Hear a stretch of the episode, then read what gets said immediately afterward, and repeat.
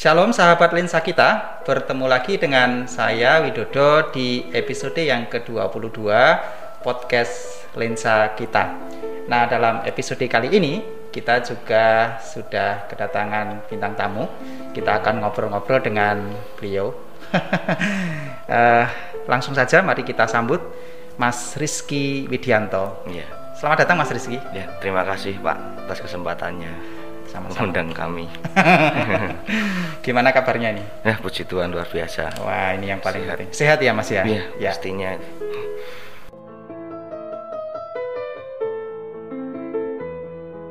Sahabat lensa kita, dalam episode kali ini kita akan berbincang-bincang tentang musik. Nah, ini sesuatu yang menarik buat saya secara pribadi dan kebetulan bintang tamu kita ini bukan hanya seorang pemain musik, penikmat musik, tapi memang sudah ahli di dalamnya dan menghidupi hari demi hari. Jadi musik itu sudah menjadi bagian dalam hidupnya. Nah, tanggal 21 Juni kita memperingati Hari Musik Sedunia.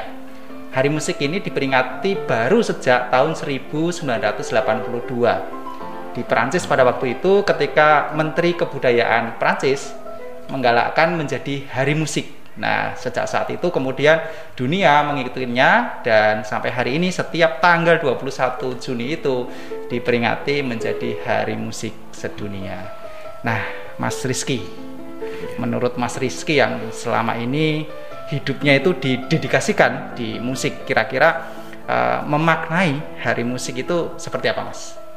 Ya, Hari Musik Sedunia ini bermakna lebih kepada rasa mendorong masyarakat, Pak ya mm-hmm. masyarakat dunia agar lebih mengapresiasi terhadap musik mm. karena mungkin kita tahu ya Pak Wid mm-hmm. momen apa pun selalu ada hari bersejarahnya Betul. tentunya musik juga nggak pengen ketinggalan dengan hal itu padahal baru nih ya baru iya. 1982 ya iya. padahal musik itu sejak zaman dulu bahkan ya kita mengenal dari zaman Renaissance, zaman Barok, iya. zaman sampai zaman modern. zaman prasejarah pun mungkin Sudah ada, ya. nah, baru iya. di, di, di, ditetapkan menjadi Hari Musik itu tahun 1982. Yang menurut Mas Rizky tadi menjadi apa? Bentuk apresiasi. Ya? Apresiasi ya. ya. Kita juga harus punya kayak momen yang bersejarah. -hmm. Karena kita dunia itu nggak mungkin nggak ada musik, Pak.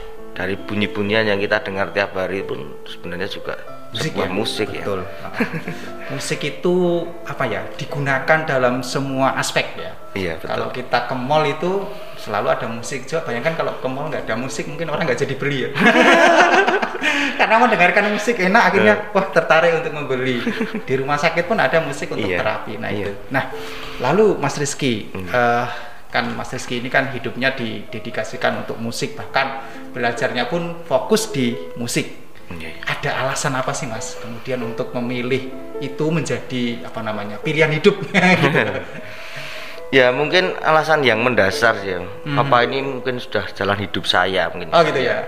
Entah kenapa saya itu kok dari usia kecil itu suka sekali mendengar lagu, dengar oh. musik. Kayak pengen rasa penasaran, ingin Aha. menghafalkan, ingin oh. mencoba bermain, misalnya hmm. seperti itu. Aha. Terus yang kedua kebetulan dari kakek buyut ya lebih uh. tepatnya itu Mbah Buyut Kakung dan yeah, ibu yeah. seorang pengrawit keraton Surakarta wow keren ya itu pemain gamelan ya uh -huh. mungkin darah mendarah daging ya sudah uh -huh. kayak uh -huh. darah seni dari beliau-beliau uh -huh. itu dan itu menjadikan batu loncatan saya untuk lebih termotivasi lebih hmm. belajar gitu hmm tapi tentunya kan bukan bukan itu alasan utamanya karena faktor keturunan tentunya bukan yeah. ya ya artinya dari sejarah nenek eh, mbah juga pemusik dan mungkin bukan hmm. hanya itu saja tetapi memang ada dorongan dari diri yeah. sendiri tadi ya hmm, kebetulan juga dari kampung itu banyak yang mencintai musik tradisional Oh, nah, jadi iya. kayak hobi kita itu sama. Karena dikondisikan juga di iya. lingkungan ya. Itu menjadikan saya lebih kayak ingin rasa pengen belajar lebih gitu. oh gitu ya ya dari keinginan itu kemudian hmm. ya menjadi satu tekad dan mendedikasikan hidupnya untuk itu nah sekarang ini Mas Rizky iya. kira-kira ini gimana sih anak-anak muda sekarang ini passion mereka di musik itu kalau menurut Mas Rizky gimana passion anak-anak muda sekarang artinya generasi-generasi ya 17-an, 20-an ke bawah itu gimana kira-kira? Kalau dari kata passion itu sendiri harusnya sudah menjadi totalitas hmm. meliputi belajar dan komitmen diri sendiri ya kan hal itu mungkin ya. Hmm. kalau apa ya di sini sebuah contoh ataupun tips itu ya harus yang pertama mencintai musik itu sendiri. Oh, ya. suka nggak? Ataukah kita cuma dipaksa orang tua main musik? ataukah kita cuma lihat teman-teman kita ya wah keren ya main musik. Kita pada akhirnya kita belajar agak sulit sedikit nanti wah mundur di tengah jalan mesti kayak gitu Betul. Ya. Nah, Mas Rizky ini kan juga bukan hanya bermusik tapi ngajar kan? Iya. Ngajar musik. Nah, dari situ mungkin bisa melihat sih mana yang betul-betul keinginan Iya. oleh anak sendiri atau yang itu tadi dikondisikan oleh orang tua atau hanya Iya. karena melihat temannya sedang tampil gitu ya. Iya. Terus dia pingin gitu. Gim- Gimana Mas melihat itu? ya mungkin kayak zaman sekarang ya anak-anak dikondisikan agar tidak ke mana-mana sih pak Oh, mungkin menjadi kegiatan yang positif Mm-mm. tapi kalau kebetulan anak itu suka ya nanti berlanjut gitu aja Hmm. Kalau enggak ya berhenti tengah jalan iya ya. mungkin banyak seperti itu Karena ketahuan mana yang bakat Iya. dan minat itu akan ketahuan ketika sudah menghadapi Iya. materi-materi yang semakin materi-materi sulit ya. semakin sulit, Betul, iya. betul. Nah, biasanya kalau anak muda itu punya skill, Iya. punya kemampuan itu akan menambah rasa percaya diri. Nah, begitu juga ketika punya kemampuan bermusik itu mungkin rasa percaya dirinya ke mana-mana nenteng gitar itu kan Oh, iya. eh, nilai sendiri ya. Iya. Gimana mas melihatnya itu? ya suatu bu saya dulu dari kecil juga gitu sih Oh Pak. gitu ya? kalau saat ini saya di mana-mana nenteng-nenteng alat Oh gitu musik. ya? ya mungkin rasa percaya diri itu dibangun dari banyak perform Ah. misalnya kita Ah. diberi kesempatan ya kita kita ke sana Oh. kita lakukan itu mungkin juga kita harus siap sih kata-kata pedas dari pengkritik penonton Betul. itu menjadikan kita bermental baja sebenarnya Hmm. dan semua itu menjadikan kita kayak sebuah apa ya proses pembelajaran Hmm. untuk semakin baik semakin lebih baik lagi seperti itu Jadi belajar itu bukan hanya ketika kita les iya dengan guru privat atau dengan guru musik, tetapi dari orang lain yang Iya. menilai kita itu Yang juga menilai kita. sebenarnya memberi nilai sendiri ya bagi Iya. kita ya. Oke.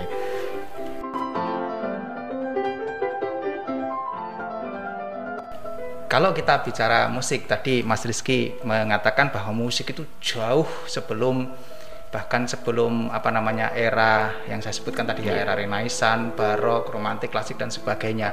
Itu bahkan mungkin zamannya Tuhan Yesus bahkan sebelumnya Iya. pun juga Zaman ada ya. prasejarah Nah, zaman prasejarah. manusia purba mungkin ya secara sejarahnya Nah, seperti itu kalau kita lihat bukti itu di dalam Alkitab memang ada. Iya. Ya, kita akan membaca di dalam uh, dua Tawarik pasal 5 ayat 13. Ini coba saya bacakan. Dua Tawarik 5 pasal 13 demikian. Lalu para peniup nafiri dan para penyanyi itu serentak memperdengarkan paduan suaranya untuk menyanyikan puji-pujian dan syukur kepada Tuhan. Mereka menyaringkan suara dengan nafiri, ceracap dan alat-alat musik sambil memuji Tuhan dengan ucapan sebab ia baik bahwasanya untuk selama-lamanya kasih setianya. Pada ketika itu rumah itu yakni rumah Tuhan dipenuhi awan. Nah, Mas Rizky, eh, ketika kita membaca dari firman Tuhan ini, eh, gimana sih eh, respon Mas Rizky menanggapi bahwa memang musik itu ya sudah ada sejak zaman dulu. Nah, ki- kira-kira gimana, Mas? ya kalau dari ayat tersebut tanggapan ini mungkin lebih tepatnya kepada pandangan objek nih pak Oh, iya, silakan. dalam arti sejarah Ah, karena dalam perjanjian lama itu banyak kaitannya dalam sejarah peradaban waktu itu mungkin. Hmm, hmm. di perjanjian lama dalam menyembah Tuhan itu kayak sebuah upacara ataupun Hmm. seremonial ya mungkin ya dengan adat budaya yang luar biasa pada waktu itu ya. entah sebuah nyanyian kuno Mm-mm. musik kuno ataupun tarian-tarian kuno Hmm, hmm. kalau sekarang kita malah sebutnya itu suatu hal yang sakral mungkin Ya, berbeda sekali seperti zaman perjanjian baru itu sangat berbeda sekali mungkin Hmm, pada waktu itu Hmm. Nah, sekarang kalau kita ke- tarik kepada musik gereja. Iya. Nah, kalau kita belajar tentang sejarah musik bahwa sebelum masa-masa pembagian era itu itu tuh musik sudah ada gitu. Iya. Nah, pada waktu itu eh, musik dunia itu kalau belajar kiblatnya ke musik gereja. Musik gereja, Iya, karena betul. itu apa menam- nam- tadi namakan ada unsur kesakralan dan Iya. lain sebagainya. Tapi di era modern ini justru berbeda ya. Gereja-gereja itu patron musiknya ke musik-musik dunia, musik-musik Iya. kontemporer, bahkan sekarang ini perkembangan musik digital yang luar biasa. Nah, itu Mas Rizky sebagai seorang pemusik, seorang pelayan Tuhan juga di bidang musik, me- meresponi hal itu gimana, Mas? Eh, kalau mungkin jawaban saya panjang sekali. Oh, silakan, Mas. Coba ya Pak. ya. Iya, iya, iya. Menurut saya sih nggak ada yang salah sih Pak. Ah, Loh, ah, kenapa Tuhan menciptakan Iya, manusia iya. di seluruh Ah, ah, dunia ah, itu dengan berbagai macam mungkin jutaan Ah, ah. latar belakang adat budaya Ah, ah. manusia masing-masing dan punya cata cara tersendiri ya Iya, iya. dalam menguji dan menyembah Tuhan ah. penciptanya Ah, ah, dan budaya masing-masing juga sih. ah, ah, ah. Ya ini mungkin saya contohkan kalau mungkin Injil itu berasal dari Indonesia ya. Alat-alat musik yang dipakai untuk menyembah Tuhan itu didominasi oleh gamelan dan alat musik tradisional Indonesia tentunya, Pak. Bisa jadi. Bisa jadi Iya, loh, Pak. bisa jadi. Karena apa namanya musik gereja yang dibawa ke Indonesia itu kebanyakan dari Eropa ya. Nah, gitu. Nah, ini saya contohkan lain mungkin. Eh, sekarang masih banyak perbincangan hangat Ah. kayak isu-isu Ah. kayak gitu ya. Ah, Ada yang gereja yang alat musiknya harus orgel ya, organ iya, iya. raksasa ya, Pak, Ah. biar kelihatan sakral dalam Ah. memunjang- apa menyembah Tuhan. Ah, ah. Terus ada yang harus grand piano nih mungkin biar mewah atau gimana. Ada juga lu kok nggak pakai band. Ah, Kamu itu memuji Tuhan ada Roh Kudusnya enggak sih? Kadang kayak gitu.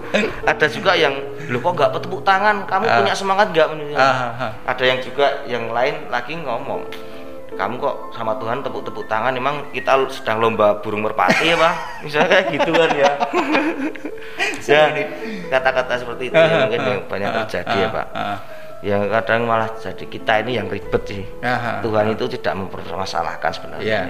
Ah, kadang ya kita yang malah sok-sokan iya, iya. justifikasi sana sini kok Betul, betul, betul, Gitu betul, betul. Dan seakan-akan kita menghakimi seperti itu kan Oke oke. Ya. Jadi memang apa namanya eh, eh, perkembangan musik gereja itu kalau boleh dilihat juga ada penurunan ya. Iya betul Bisa jadi ya. Bisa. Karena justru sekarang ini kiblatnya lebih banyak ke musik-musik kontemporer. Nah, itu jadi misalnya wah itu musiknya keren kalau misalnya aransemennya iya progresi chordnya. Iya, harus bergoyang. Seperti itu. Nah, ya ya ya. Oke oke. Lalu gimana Mas Rizky supaya pujian atau musik di gereja itu dapat tetap eksis di tengah tantangan zaman sekarang ini. Zaman sekarang ini kan tantangannya banyak. Musik-musik di luaran sana jauh lebih menggiurkan. Iya. Belum lagi musik digital, Iya. alat-alat yang luar biasa yang tidak lagi mengandalkan skill manusia Iya. tetapi lebih ke teknologi. Iya. Nah, ini gimana Mas Rizky supaya tetap gereja itu tetap bertahan Hmm. dalam apakah tetap mengikuti arus atau punya prinsip? Oh, iya. gimana Mas kira-kira?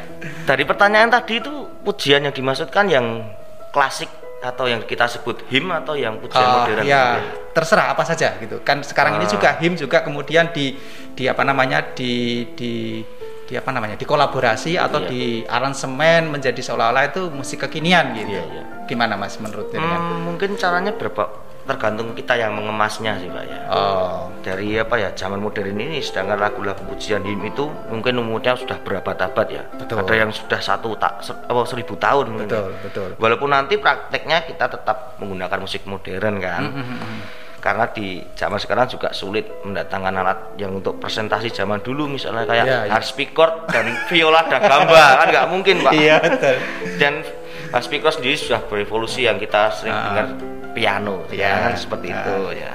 Dan dalam ujian yang him tadi ada rambu-rambu ya pak misalnya ya. Ah. mungkin kita mau nggak mau sebagai anak muda juga harus belajar tentang itu Mm-mm. dari yang sederhana dulu menyanyikan dengan not yang benar bukan yang nyaman loh pak itu yang penting loh pak not Iya, yang iya. benar Ah, teknik yang penyanyi betul. benar dulu Ah. terus kita belajar bagaimana sejarahnya paling enggak buka lah apa? Iya iya iya. Sedikit singkat apa toh maksud dan tujuan sang komposer dalam menciptakan lagu itu? Ah. misalnya kok di him itu kan ada dasarnya ada as mayor kok enggak semua dibuat C? Ya, itu. ya silakan nanti Iya, iya, timbulkan rasa penasaran pada teman-teman anak muda Iya, yang betul, betul. kreatif ya. Belum lagi nanti bicara tentang sukatnya ya. Iya. tiga per empat enam per delapan. Itu banyak yang kebalik-balik sampai Nah. saat ini pak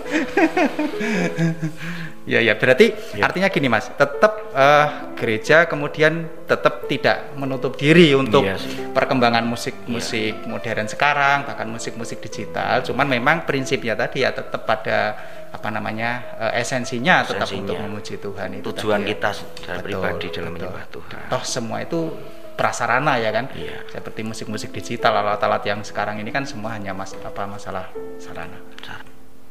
Ya bisa kita juga bisa belajar dari yang terdekat ya mungkin dari para senior ataupun pelaku-pelaku musik yang sudah berpengalaman di bidang itu. Itu aja pak. Hmm, hmm. Itu malah lebih kita nyaman mungkin Iya, mungkin karena mereka mungkin secara teori nggak belajar, tetapi Iya. prakteknya iya itu itu sudah bisa untuk contoh sih. betul. Dan itu kadang justru malah lebih menguasai.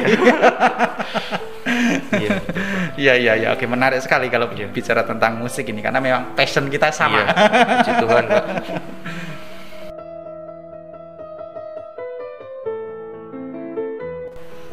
Mas Rizky, kalau kita bicara soal musik ini nggak ada habisnya, iya nggak ada bosennya.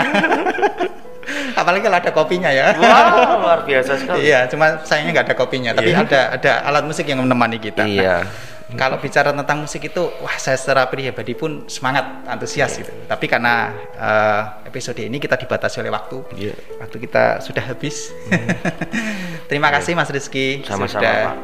Hadir di podcast Lensa kita, ikut mewarnai apa dinamika lensa kita, terutama berkaitan dengan musik sehingga kita semakin tahu banyak hal tentang tentunya belum banyak ya. Iya. Paling tidak kita sudah sedikit banyak tahu tentang musik. Sahabat lensa kita, kita sudah sampai pada akhir episode kita kali ini. Kita sudah berbincang-bincang dengan tamu kita, Mas Rizky Widianto. Luar biasa nih Mas Rizky ini. Dia bukan hanya penikmat musik, penggemar musik, tapi ya pemain musik, pengajar juga karena memang hidupnya didedikasikan di sana. Nah, kita sudah bincang-bincang tentang Hari Musik Sedunia. Menurut Mas Rizky, memperingati Hari Musik itu sebagai bentuk apresiasi kita terhadap musik yang sudah ada sejak zaman purbakala dan musik itu selalu ada dalam kehidupan manusia. Coba bayangkan kalau dunia ini nggak ada musik, hampa terasa. Jangan lupa untuk tetap mengikuti protokol kesehatan, pakai masker, lalu apa lagi ya mas? mencuci tangan Nah, dengan sabun Dengan sabun dan Iya, air ya. dengan air. lalu menjaga jarak, terus menghindari kerumunan menghindari kerumunan dan yang pasti makan makanan yang bergizi dan cukup. Sampai jumpa di episode berikutnya dan Tuhan Yesus memberkati.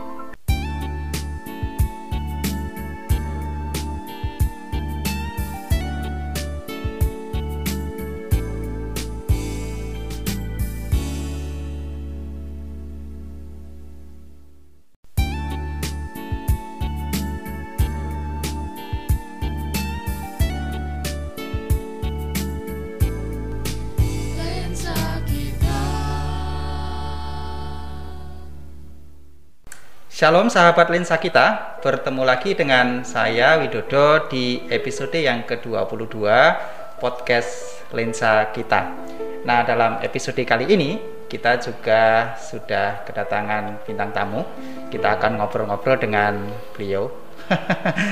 Eh, langsung saja mari kita sambut Mas Rizky Widianto. ya Selamat datang Mas Rizky. ya terima kasih pak atas kesempatannya Sama-sama. mengundang kami Gimana kabarnya nih? ya puji Tuhan luar biasa Wah, ini yang paling Sehat. penting. Sehat ya Mas ya? ya, Ya. pastinya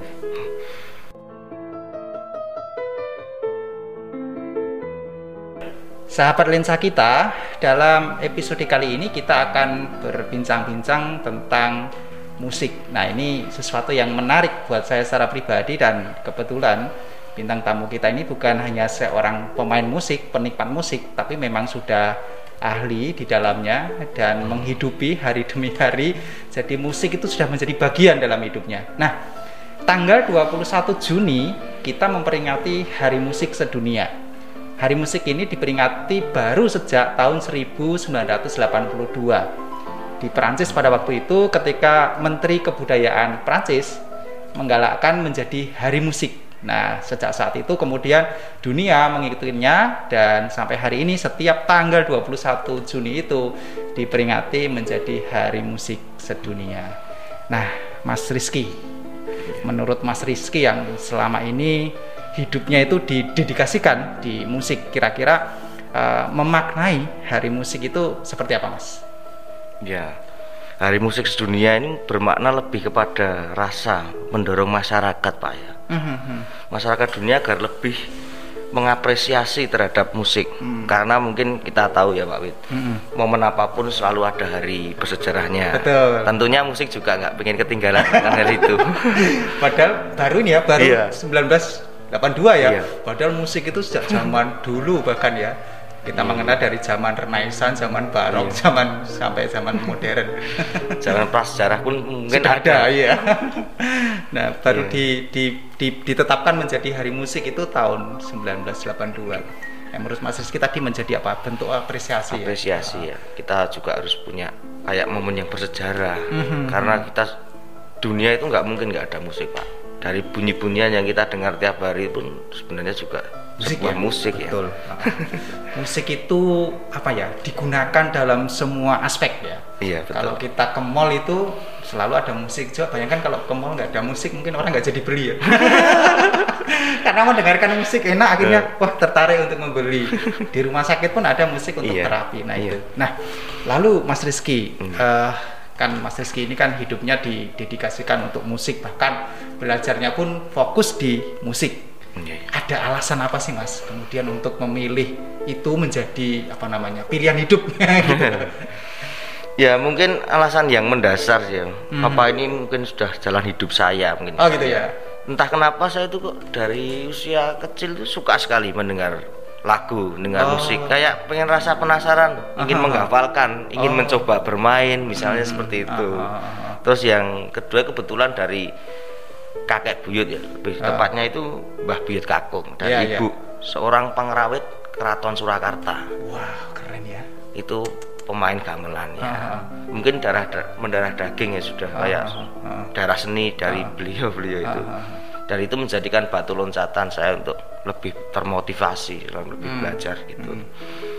Tapi tentunya kan bukan bukan itu alasan utamanya karena faktor keturunan tentunya bukan Iya. ya. Artinya dari sejarah nenek, eh, mbah juga pemusik dan mungkin bukan hanya itu saja tetapi memang ada dorongan dari diri Iya. sendiri tadi ya. Mm, Kebetulan juga dari kampung itu banyak yang mencintai musik tradisional. Oh, Nah, jadi kayak hobi kita itu sama. karena dikondisikan juga di Iya. lingkungan ya.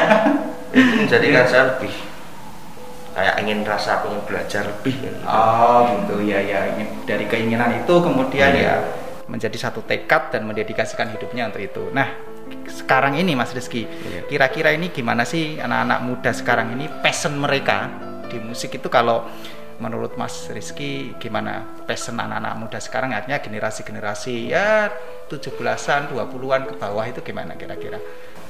Kalau dari kata passion itu sendiri harusnya sudah menjadi totalitas.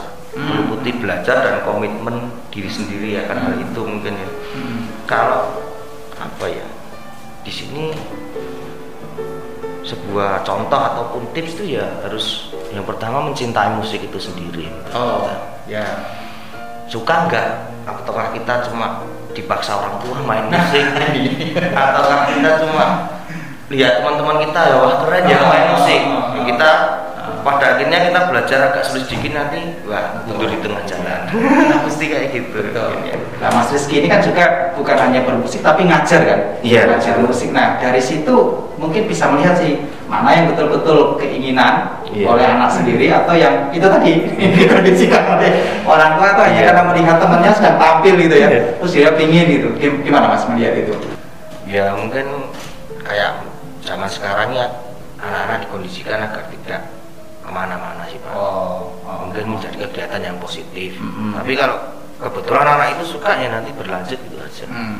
Kalau enggak ya berhenti tengah Iya, jalan ya. mungkin banyak seperti itu.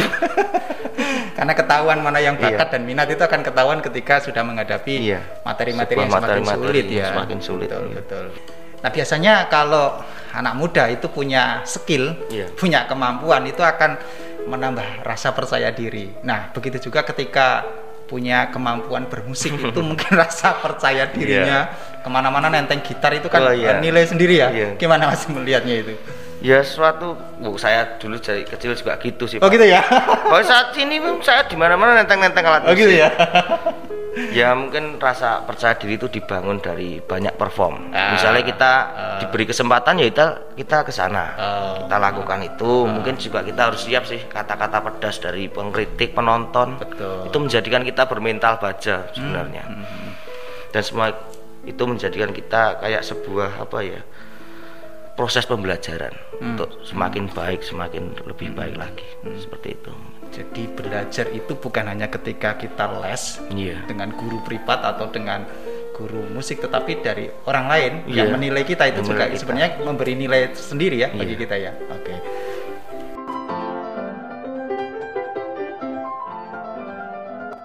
Kalau kita bicara musik tadi Mas Rizky mengatakan bahwa musik itu jauh sebelum bahkan sebelum apa namanya era yang saya sebutkan tadi ya era Renaissance, Barok, Romantik, Klasik dan sebagainya. Itu bahkan mungkin zamannya Tuhan Yesus bahkan sebelumnya Iya. pun Zaman ada ya. prasejarah Nah, zaman prasejarah. manusia purba mungkin ya secara sejarahnya Nah, seperti itu kalau kita lihat bukti itu di dalam Alkitab memang ada. Iya. Ya, kita akan membaca di dalam uh, dua Tawarik pasal 5 ayat 13. Ini coba saya bacakan. Dua Tawarik 5 pasal 13 demikian. Lalu para peniup nafiri dan para penyanyi itu serentak memperdengarkan paduan suaranya untuk menyanyikan puji-pujian dan syukur kepada Tuhan.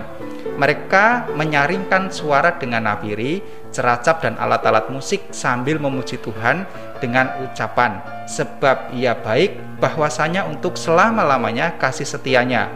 Pada ketika itu rumah itu yakni rumah Tuhan dipenuhi awan. Nah, Mas Rizky, eh, ketika kita membaca dari firman Tuhan ini, eh, gimana sih eh, respon Mas Rizky menanggapi bahwa memang musik itu ya sudah ada sejak zaman dulu. Nah, ki- kira-kira gimana, Mas? ya kalau dari ayat tersebut tanggapan ini mungkin lebih tepatnya kepada pandangan objektif Pak Oh, iya, silakan. dalam arti sejarah Ah, karena dalam perjanjian lama itu banyak kaitannya dalam sejarah peradaban waktu itu mungkin. Hmm, hmm. di perjanjian lama dalam menyembah Tuhan itu kayak sebuah upacara ataupun seremonial ya mungkin ya. Dengan adat budaya yang luar biasa pada waktu itu ya. entah sebuah nyanyian kuno musik kuno ataupun tarian-tarian kuno. Hmm, kalau sekarang kita malah sebutnya itu suatu hal yang sakral mungkin. Ya, berbeda sekali seperti zaman perjanjian baru itu sangat berbeda sekali mungkin pada waktu itu. Nah, sekarang kalau kita ke- tarik kepada musik gereja.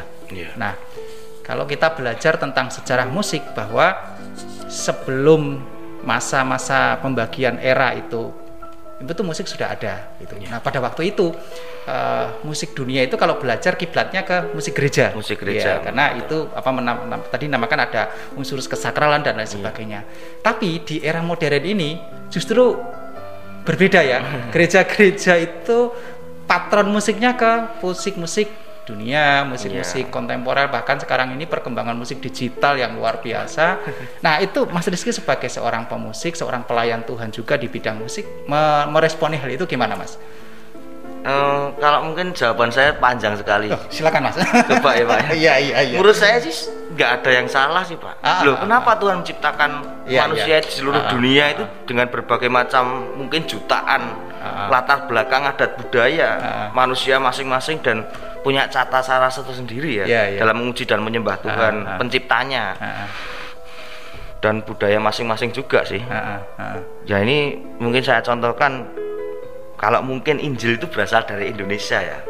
Alat-alat musik yang dipakai untuk menyembah Tuhan itu didominasi oleh gamelan dan alat musik tradisional Indonesia tentunya, Pak. Bisa jadi. Bisa jadi Iya, loh, Pak. bisa jadi. Karena apa namanya musik gereja yang dibawa ke Indonesia itu kebanyakan dari Eropa ya. Nah, gitu. Nah, ini saya contohkan lain mungkin. Eh, sekarang masih banyak perbincangan hangat Ah. kayak isu-isu Ah. kayak gitu ya. Ah, Ada yang gereja yang alat musiknya harus orgel ya, organ iya, iya. raksasa ya, Pak, Ah, biar kelihatan sakral dalam memuja apa menyembah Tuhan. Ah, ah. Terus ada yang harus grand piano nih mungkin biar mewah atau gimana. Ada juga lu kok nggak pakai band? Ah, Kamu itu memuji Tuhan ada Roh Kudusnya enggak sih? Kadang kayak gitu. Ada juga yang lu kok nggak bertepuk tangan? Kamu Ah. punya semangat nggak menuju? Ah, ah. Ada yang juga yang lain lagi ngomong kamu kok sama Tuhan tepuk-tepuk tangan emang kita sedang lomba burung merpati ya Pak misalnya kayak gitu kan ya ya kata-kata seperti itu ya, mungkin yang banyak terjadi ya Pak Yang kadang malah jadi kita ini yang ribet sih ah, ah. Tuhan itu tidak mempermasalahkan sebenarnya Iya. Ah, kadang ya kita yang malah sok-sokan Iya, iya, iya. justifikasi sana sini kok Betul, betul, betul, Gitu betul, betul. Dan seakan-akan kita menghakimi seperti Tuhan Oke oke. Ya. Jadi memang apa namanya eh, eh, perkembangan musik gereja itu kalau boleh dilihat juga ada penurunan ya.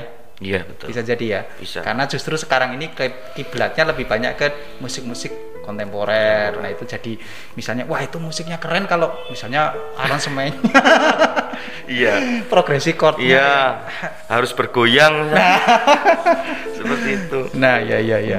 Oke oke. Lalu gimana Mas Rizky supaya pujian atau musik di gereja itu dapat tetap eksis di tengah tantangan zaman sekarang ini. Zaman sekarang ini kan tantangannya banyak. Musik-musik di luaran sana jauh lebih menggiurkan. Iya. Belum lagi musik digital, Iya. alat-alat yang luar biasa yang tidak lagi mengandalkan skill manusia Iya. tetapi lebih ke teknologi. Iya. Nah, ini gimana Mas Rizky supaya tetap gereja itu tetap bertahan Hmm. dalam apakah tetap mengikuti arus atau punya prinsip? Oh, iya. Gimana Mas kira-kira? dari pertanyaan tadi itu pujian yang dimaksudkan yang klasik atau yang kita sebut him atau yang pujian Oh, modern ya terserah apa saja gitu. Kan sekarang ini Ah. juga him juga kemudian di di apa namanya di di di apa namanya dikolaborasi atau Iya. di aransemen menjadi seolah-olah itu musik kekinian gitu. Iya, iya. Gimana Mas menurut jenengan? Hmm, mungkin caranya berapa tergantung kita yang mengemasnya sih pak ya Oh, dari apa ya zaman modern ini sedangkan lagu-lagu pujian him itu mungkin umurnya sudah berabad-abad ya Betul. ada yang sudah satu tak se- apa, seribu tahun mungkin ya. betul, betul. walaupun nanti prakteknya kita tetap menggunakan musik modern kan Mm-mm. karena di zaman sekarang juga sulit mendatangkan alat yang untuk presentasi zaman dulu misalnya kayak Iya, iya. harpsichord dan viola da gamba kan nggak mungkin pak Iya betul. dan harpsichord sendiri sudah berevolusi yang kita sering Ah. dengar piano Iya. kan seperti Ah. itu ya dan dalam ujian yang him tadi ada rambu-rambu ya pak misalnya yang Ah. mungkin kita mau nggak mau sebagai anak muda juga harus belajar tentang itu Mm-mm. dari yang sederhana dulu menyanyikan dengan not yang benar bukan yang nyaman loh pak itu yang penting loh pak not Iya, yang iya. benar Ah, teknik yang penyanyi betul. benar dulu Ah. terus kita belajar bagaimana sejarahnya paling tidak buka lah apa Iya iya iya. sedikit singkat apa toh maksud dan tujuan sang komposer dalam menciptakan lagu itu Ah. misalnya kok di him itu kan ada dasarnya ada as mayor kok enggak semua dibuat C ya itu ya silakan nanti Iya iya. timbulkan rasa penasaran pada iya. teman-teman anak muda Iya, biar betul, betul. kreatif ya Belum lagi nanti bicara tentang sukatnya ya. Iya. Tiga per empat, enam per delapan. itu banyak yang kebalik-balik sampai Nah. saat ini pak Ya ya berarti Ya. artinya gini mas, tetap eh, gereja kemudian tetap tidak menutup diri untuk Iya sih. perkembangan musik musik modern sekarang bahkan musik musik digital. Cuman memang prinsipnya tadi ya tetap pada apa namanya eh, esensinya tetap Esensinya. untuk memuji Tuhan itu. tujuan tadi ya. kita secara Betul, pribadi dalam menyembah Tuhan Toh semua itu prasarana ya kan, Iya. seperti musik-musik digital alat-alat yang sekarang ini kan semua hanya mas apa masalah sarana. Ya, bisa kita juga bisa belajar dari yang terdekat ya mungkin dari para senior ataupun pelaku-pelaku musik yang sudah berpengalaman di bidang itu. Hmm, itu aja ya, Pak. Hmm, hmm. Itu malah lebih kita nyaman mungkin. Iya, mungkin karena mereka mungkin secara teori nggak belajar, tetapi Iya. prakteknya Iya, itu itu sudah bisa untuk contoh. sih. betul. Dan itu kadang justru malah lebih menguasai. Iya. Iya, iya, iya. Oke, menarik sekali kalau Iya. bicara tentang musik ini karena memang passion kita sama. Iya. Puji Tuhan, Pak.